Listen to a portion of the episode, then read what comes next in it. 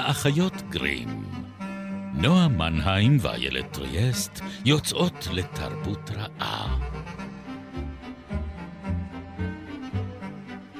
פרק 88, ובו נקסום במילים, נרדוף אחר הצל וגם נפגוש כמה דרקונים.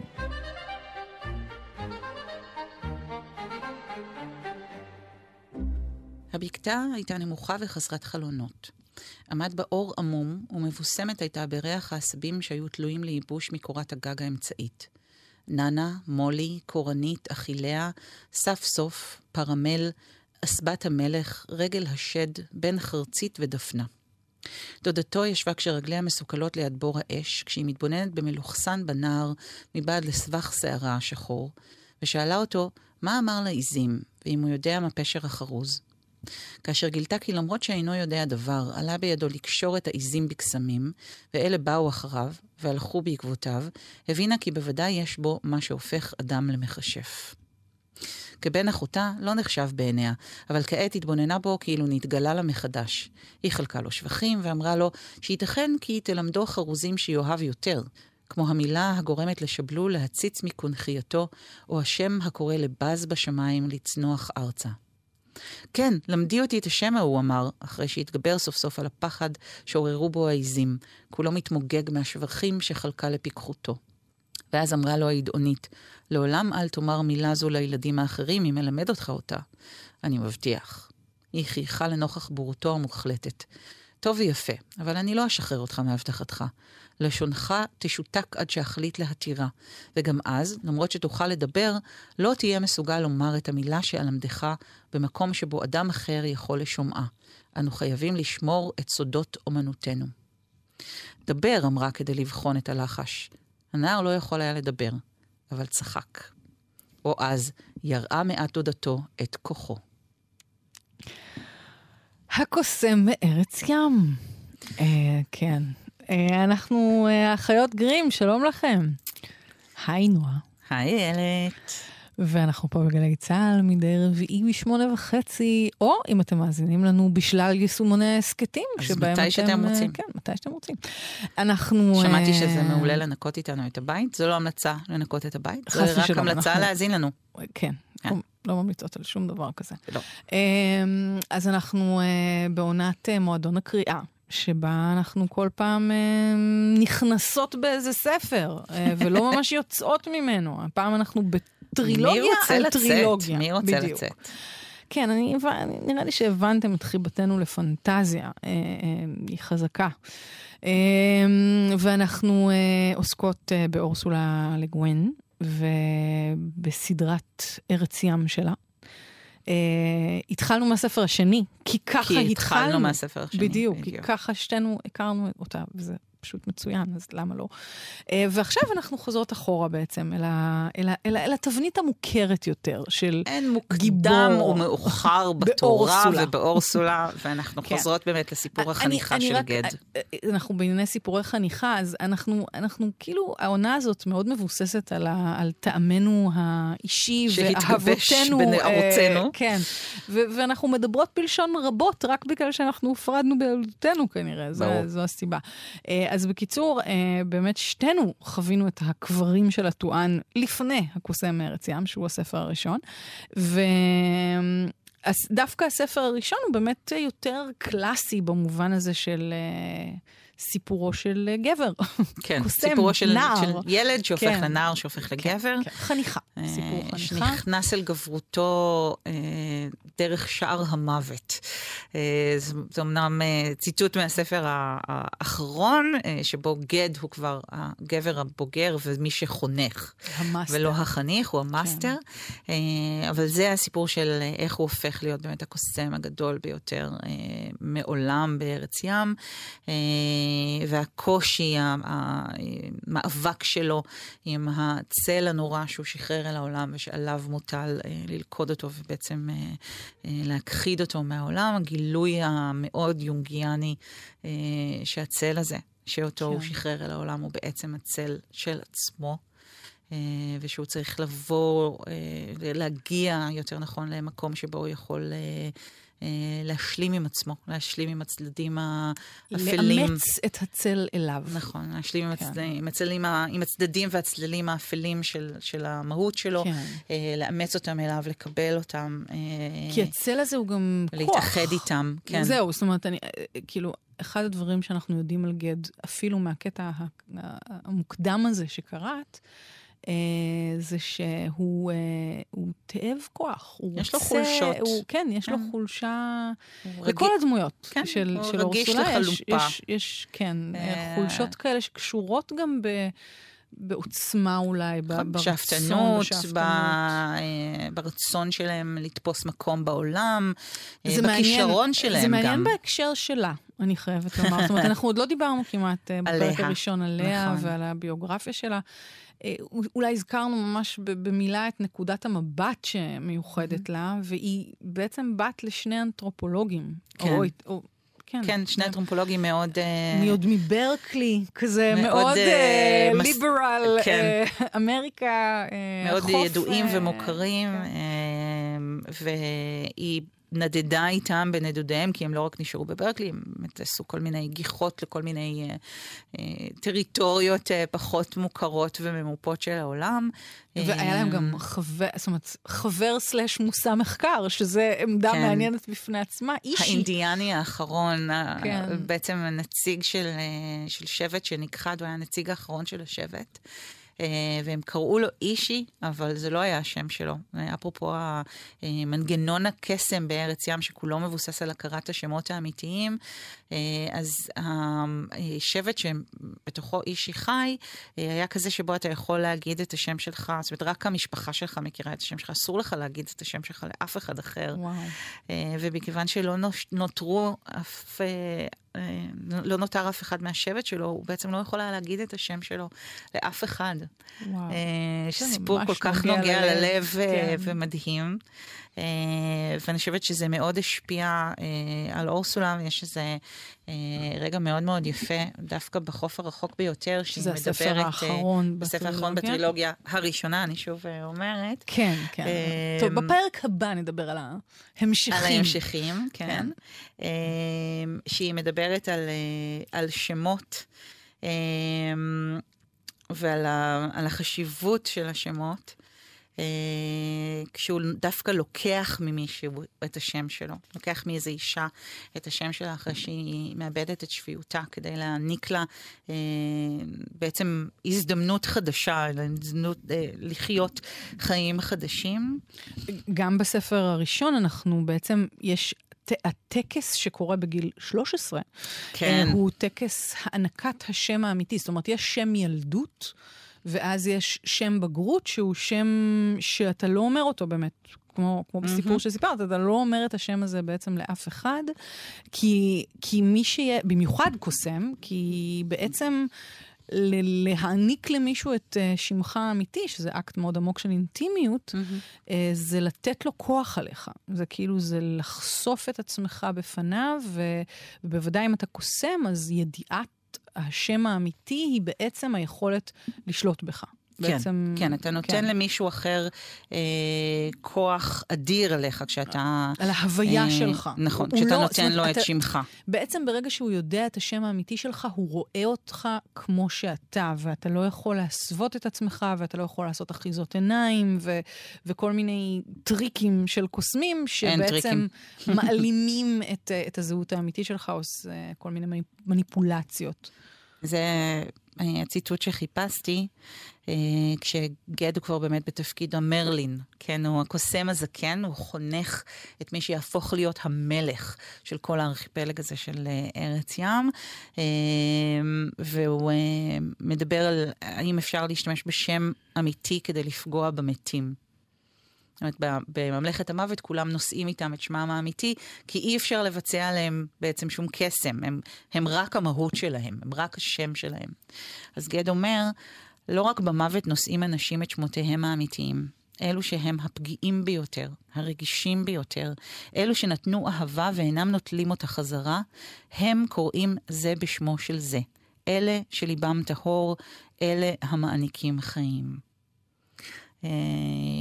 האם יודעת את השם האמיתי של הבן שלה, אב מכיר את שמה האמיתי של אה, ביתו, אה, האוהבים מכירים זה את שמו האמיתי אחד של השני, זאת אומרת, אלה המקומות האינטימיים, הפגועים, הפגיעים והפגועים ביותר, האנשים האלה שיודעים את, ה, את הסודות שלנו ושאנחנו פותחים בהם כשאנחנו נותנים להם את הכוח האדיר הזה. כן.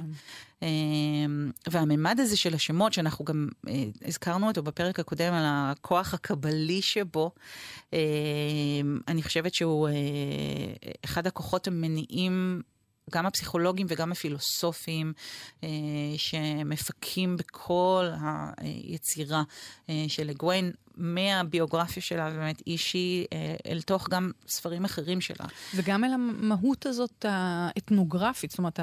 הניסיון הזה להיות תצפיתן, כאילו להיות mm. תצפיתנית של העולם, גם של העולם הפנטסטי. זאת אומרת, כאילו... אה, היא מאוד עסוקה בסוגים שונים של אנשים ובמסורות שונות ובשפות שונות. זאת אומרת, גם באמת האלמנט הבלשני הזה שאנחנו קצת מכירים מטולקין, אה, במפות. זאת אומרת, יש פה באמת איזשהו אלמנט כמעט של מחקר כזה, שאנחנו מגלים את העולם בכל מיני רבדים שלו, אה, נחשפים לכל מיני תפיסות שונות בתוך אפילו, שכן, בקרב אנשים שמודעים אחד לשני. בתוך אותה תרבות, אבל... כן, כן, אבל כאילו פתאום אתה מגלה כל מיני זוויות כאלה, mm-hmm. ואפרופו באמת החוויה שלנו, נגיד, עם, אה, עם הקברים של הטואן וההזדהות המוחלטת עם העולם של תנר, שהוא לא העולם שבעצם היינו אמורות כבר להכיר ולהרגיש נכון. בו כאילו נינוחות, שהוא העולם של גד. ואז 아, פתאום...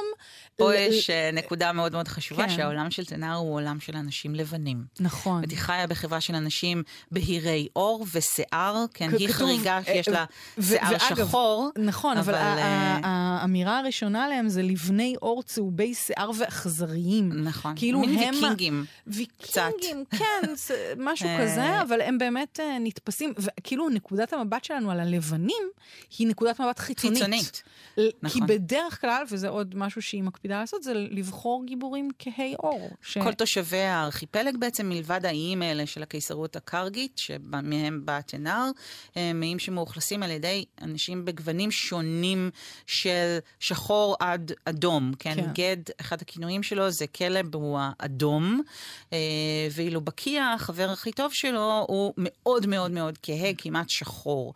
אה, וזה הצבע. הם, כן. הם אנשים כהי עור, אה, ולגוויין עצמה דיברה על הקושי שהיה לה מול המוציאים לאור לאורך כל השנים, מאז שהסדרה ראתה אור לראשונה, ואפילו בעיבודים הקולנועיים. זהו, אני כל הזמן מצפה... האיומים, זה... אל תצפי. כן. אני הזמנתי, אהבתי הגדולה, את סטודיו ג'יבלי היפני, שבאמת הוציא תחת ידו יצירות מופת כמו טוטורו, והטיראנה, ופוניו, ובאמת, אני, הם עשו את הבן של יאו מיאזקי הגדול.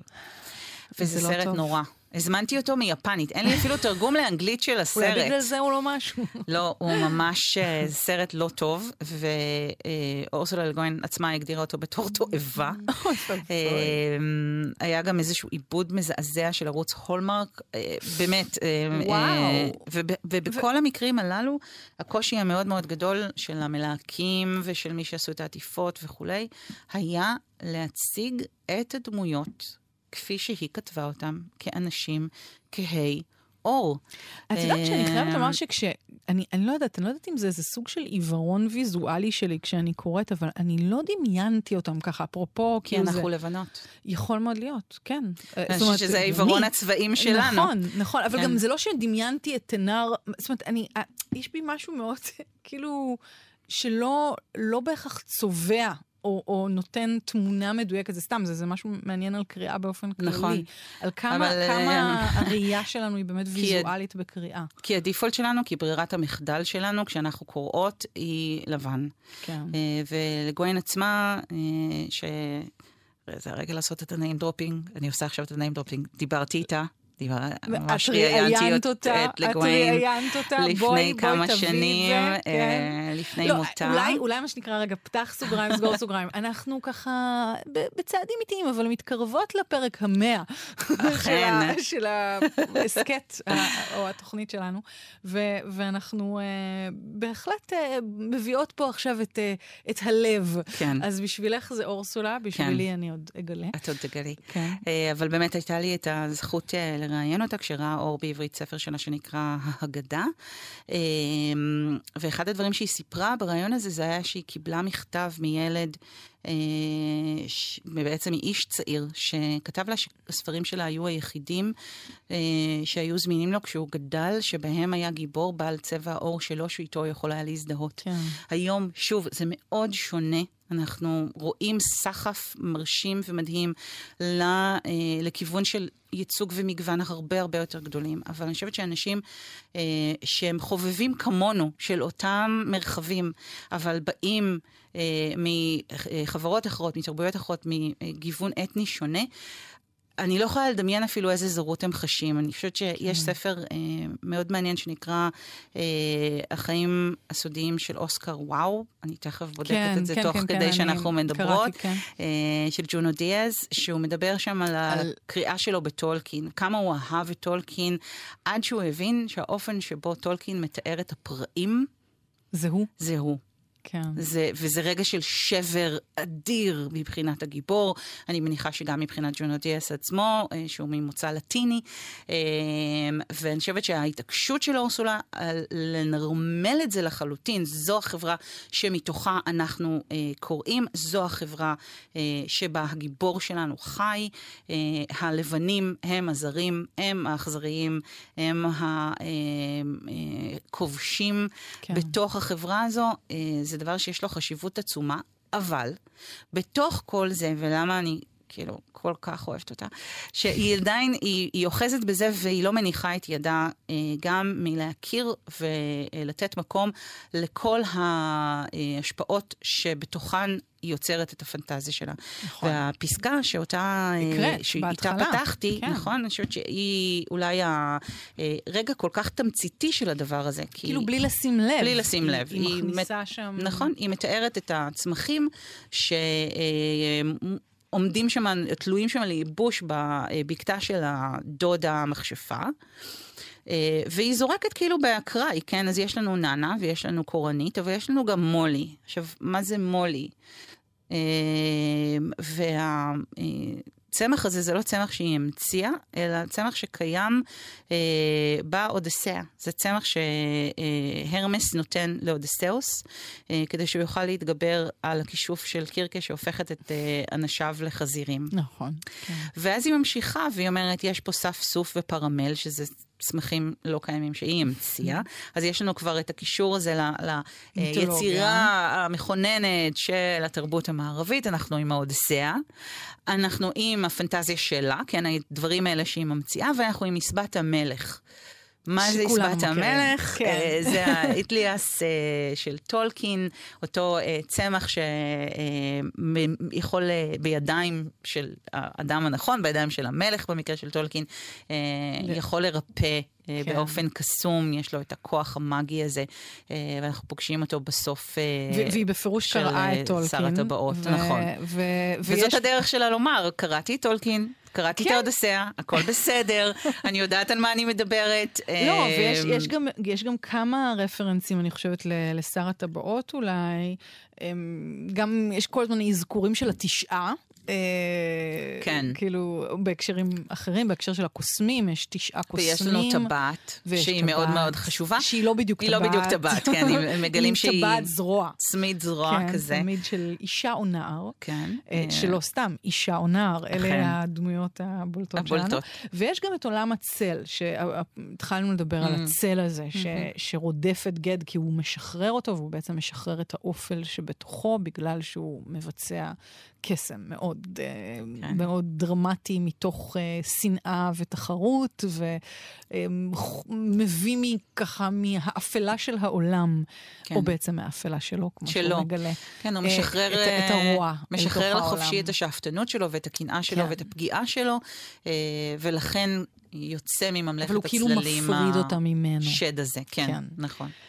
אה, אז, אז, ובעולם הזה של הצל, יש כאילו ראייה אחרת. זאת אומרת, אנחנו, וזה mm. גם מה שאנחנו קצת מכירים uh, מהטבעת, כן. uh, מעולם הרפאים mm-hmm. של הטבעת, של בעצם מין כמו כשאתה כשאתה בעולם של הצל, אתה רואה דברים אחרים, העולם נראה לך אחר, אתה פתאום רואה מציאות שונה, אה, וגם גם בספר הזה יש כן. באמת הרובד הזה של ראייה אחרת, של דברים אחרים שקורים. במיוחד אני חושבת יש על זה דגש בספר האחרון, אה, שאם בספר הראשון אה, גד הוא ילד ואז נער ואז גבר צעיר שצריך להתמודד עם התוצאות של הפעולה ההרסנית שלו בעולם, להתאחד עם הכוחות האפלים שלו, להצליח לרתום את ה... את הכעס שלו ואת הפגמים אה, באופי שלו כן. לכדי באמת אישיות לכידה. הספר האחרון עוסק ב, בעל מוות, ולמה על מוות זה דבר אה, רע. למה השאיפה שלנו לאלמותיות, דיברנו על תנר וזה שהוא... אה, משחרר אותה, עוזר לה להשתחרר מההערצה לדבר המת הזה, המוות הנצחי. כן. אז ולהיות זה חוזר. אינדיבידואל בעצם. בדיוק, להיות כן. אינדיבידואל ולהיות בעולם, ולהיות אינדיבידואל ולהיות בעולם זה דבר קשה. ולחיות חיים קטנים. כן, כאילו. לחיות חיים, כן. כן. כי, כי להיות באמת לבד בעולם ובלי אמונה, כן. זה דבר נורא נורא קשה. נכון. אה, והיא לא בורחת מה, מהקושי הזה, ובאמת הספר האחרון אה, סובב מאוד את הדבר הזה. כן. אה, מחבר אותה גם למאסטר שלו, שלו, המקום נכון. שמבחינתו הוא בית, זאת אומרת, הוא, הוא כן נקשר אליה באופן מאוד עמוק, אבל כן.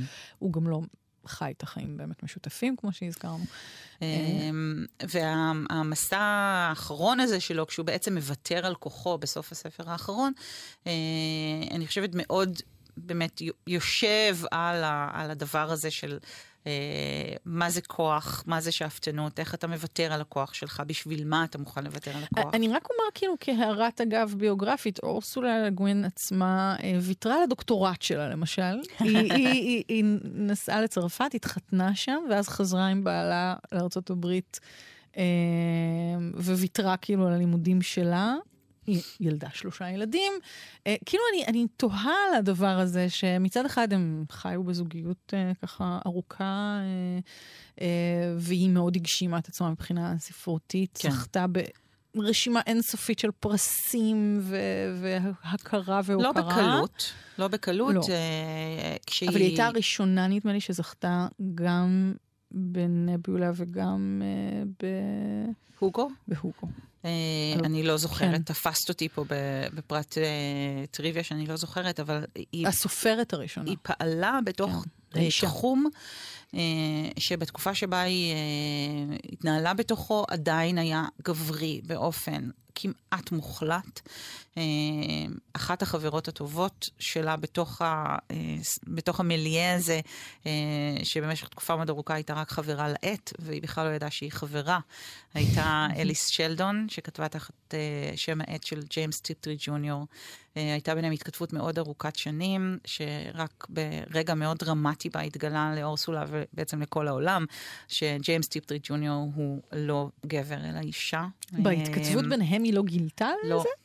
וואו, כן, הם היו חברות. השם האמיתי, מישהו מדבר על השם האמיתי? כן. בדיוק, כן? וזה באמת, יש את התכתובת הזאת ביניהם, אה, ומדהים לקרוא אותה. זה אקט מאוד מעניין לגבי סופרות נכון, שכותבות בשם נכון. את גברי, כאילו על החשיפה הזאת, אפרופו באמת השם האמיתי, החשיפה, היציאה כן. מהארון הספרותי. אה, וזה ממש חליפת מכתבים שמאוד מרגש לקרוא. אז אני חושבת שהייתה לה דרך קשה להתקבלות הזו. אה, והיא כותבת הרבה על, ה, על ההוויה של להיות אישה סופרת, על המקום של הפמיניזם. ועוד סופרת מדע בדיוני נכון, ופנטזיה. כן, ועל המקום של הפמיניזם בתוך, ה, בתוך היצירה שלה. כן. אה, אולי אפילו נרחיב על זה כשנדבר אה, קצת יותר על, הס, על הספרים הבאים כן. בטרילוגיה הזאת, שזה מוזר שאנחנו מדברות על ספרים באים בטרילוגיה, אבל אולי כן. זה יהיה יותר מובן כשנרחיב על זה. אה, אבל אני רוצה להגיד עוד משהו לגבי גם האנתרופולוגיה שלה וגם אה, החיים הפשוטים האלה שדיברת עליהם, החיים הרגילים לכאורה, שמוצגים כאן כ... כחיוב... כמאוד חיוביים בסופו של דבר. כן. זאת אומרת, אה, גם אצל תנר וגם אצל גד וכולי. יש משהו בפואטיקה. של לגוויין, שנותן הרבה, הרבה מאוד דגש לריאליזם. זאת אומרת, אפשר להגדיר את הכתיבה שלה כמעט כריאליזם אפי, או ריאליזם אה, פנטסטי, אבל לא במובן שאנחנו רגילים אה, לקרוא אותו. ג'ון פלוז, שהוא חוקר ספרות, כתב עליה שהיומיומי אצלה חשוב כמו האפי. וזה נכון, זאת אומרת, אפילו תחשבי על הפתיחה של הקברים של הטואן שהקראת, התיאור של הבית. אה, והאב שעסוק במלאכת הכפיים שלו, והילדה עם הבוץ על הרגליים, כמה לא פנטסטי זה. זאת אומרת, אנחנו כן. לא באיזה מין עולם שקסמים מתנוצצים בו בשמיים, אה, ובהינף אה, שרביט, כאילו בוראים לנו ארוחות פלא על צלחות של זהב, כמו אצל הארי פוטר למשל. זאת אומרת, האוויר לא ספוג קסם. האוויר הוא אוויר יומיומי שאנשים כן. נושמים אותו. אבל אז אמ, מאוד מהר נכנס האלמנט המסתורי לפחות. כאילו הקסם הוא סוג של מסתורין ביומיום, סוג של כוחות טבע שאתה כאילו מפעיל כאדם. כן, אבל... אם אני מזכירה לך רגע את, ה, את הקברים של התורה, אנחנו חוזרות אליו שנייה אחת. אה, יש שיחה אה, נהדרת של, של גד ושל תנר על, אה, על קסם בסוף של, ה, אה, בסוף של הספר, שבו היא מבקשת ממנו לזמן בקסם אוכל, כי הם נורא נורא רעבים. כן, זה חוזר על עצמו אה, בספר הראשון. ש, נכון. שבאמת אוכל, זה, כאילו זה אי אפשר אשליה, ליצור, אי אפשר, כן, אי אפשר ליצור לא את הדבר הזה. מילה. אמ, כלומר, אם תאכל מילים, זה... זה כמו לאכול, אתה תישאר רעב, כן, כן הבטן שלך תישאר ריקה.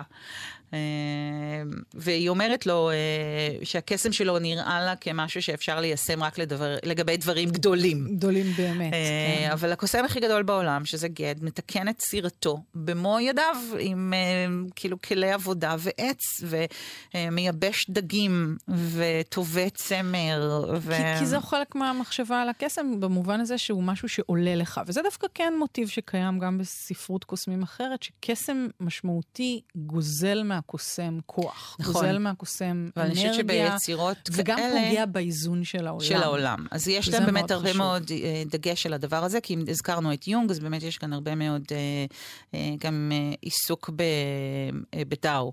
כאילו, בדבר הזה, באיזון בין יין ויאנג ובכוח, האיזון בין הכוח האפל, הכוח הבהיר, האור והחושך. נקבי אה, וזכרי. טוב כן. ורע וכולי.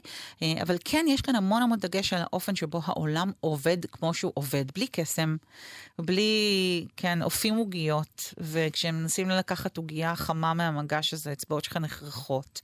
אה, ואתה רטוב, ואתה יכול להיות מסכן וקר לך, ו... זאת אומרת, יש שם באמת איזה... בספרים הללו תחושה כל כך חזקה של ריאליזם, שבעיניי אה, רק מחזקת את הפנטסטיות שלהם, רק מחזקת את הקסם, אה, ומעניקה לו באמת אה, אמינות מאוד גדולה. אני חושבת שככל שהעולם, בתוך הפנטזיה, ככל שהעולם שאתה בורא הוא ריאליסטי יותר, ככה היכולת של הקוראים והקוראות שלך להאמין לפנטזיה שאתה רוקם גדולה יותר.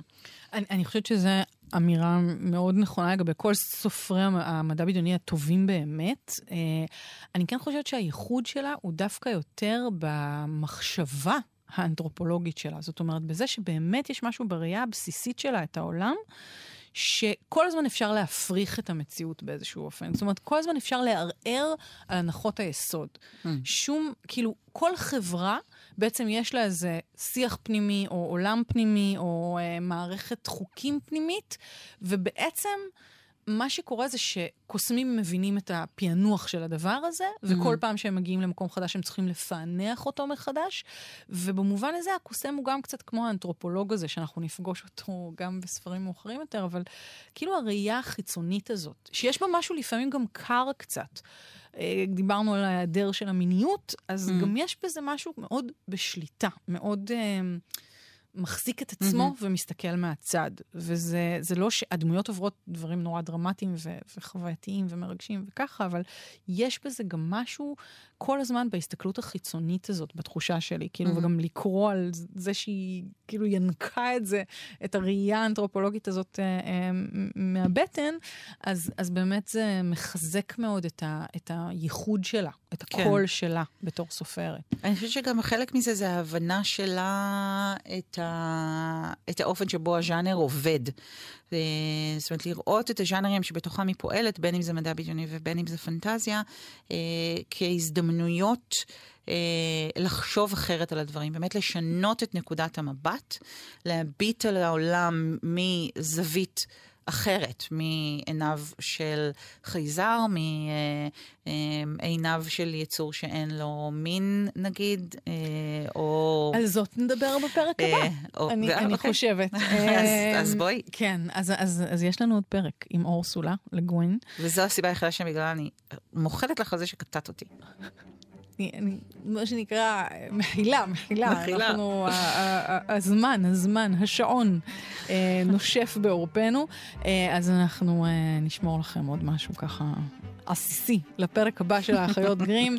עונת מועדון הקריאה, רביעי, שמונה וחצי גלי צה"ל, או בשלל יישומוני הסכתים. ביי נועה. ביי אלת. ותודה לגיא קפלן שהייתה איתנו פה באולפן. תודה.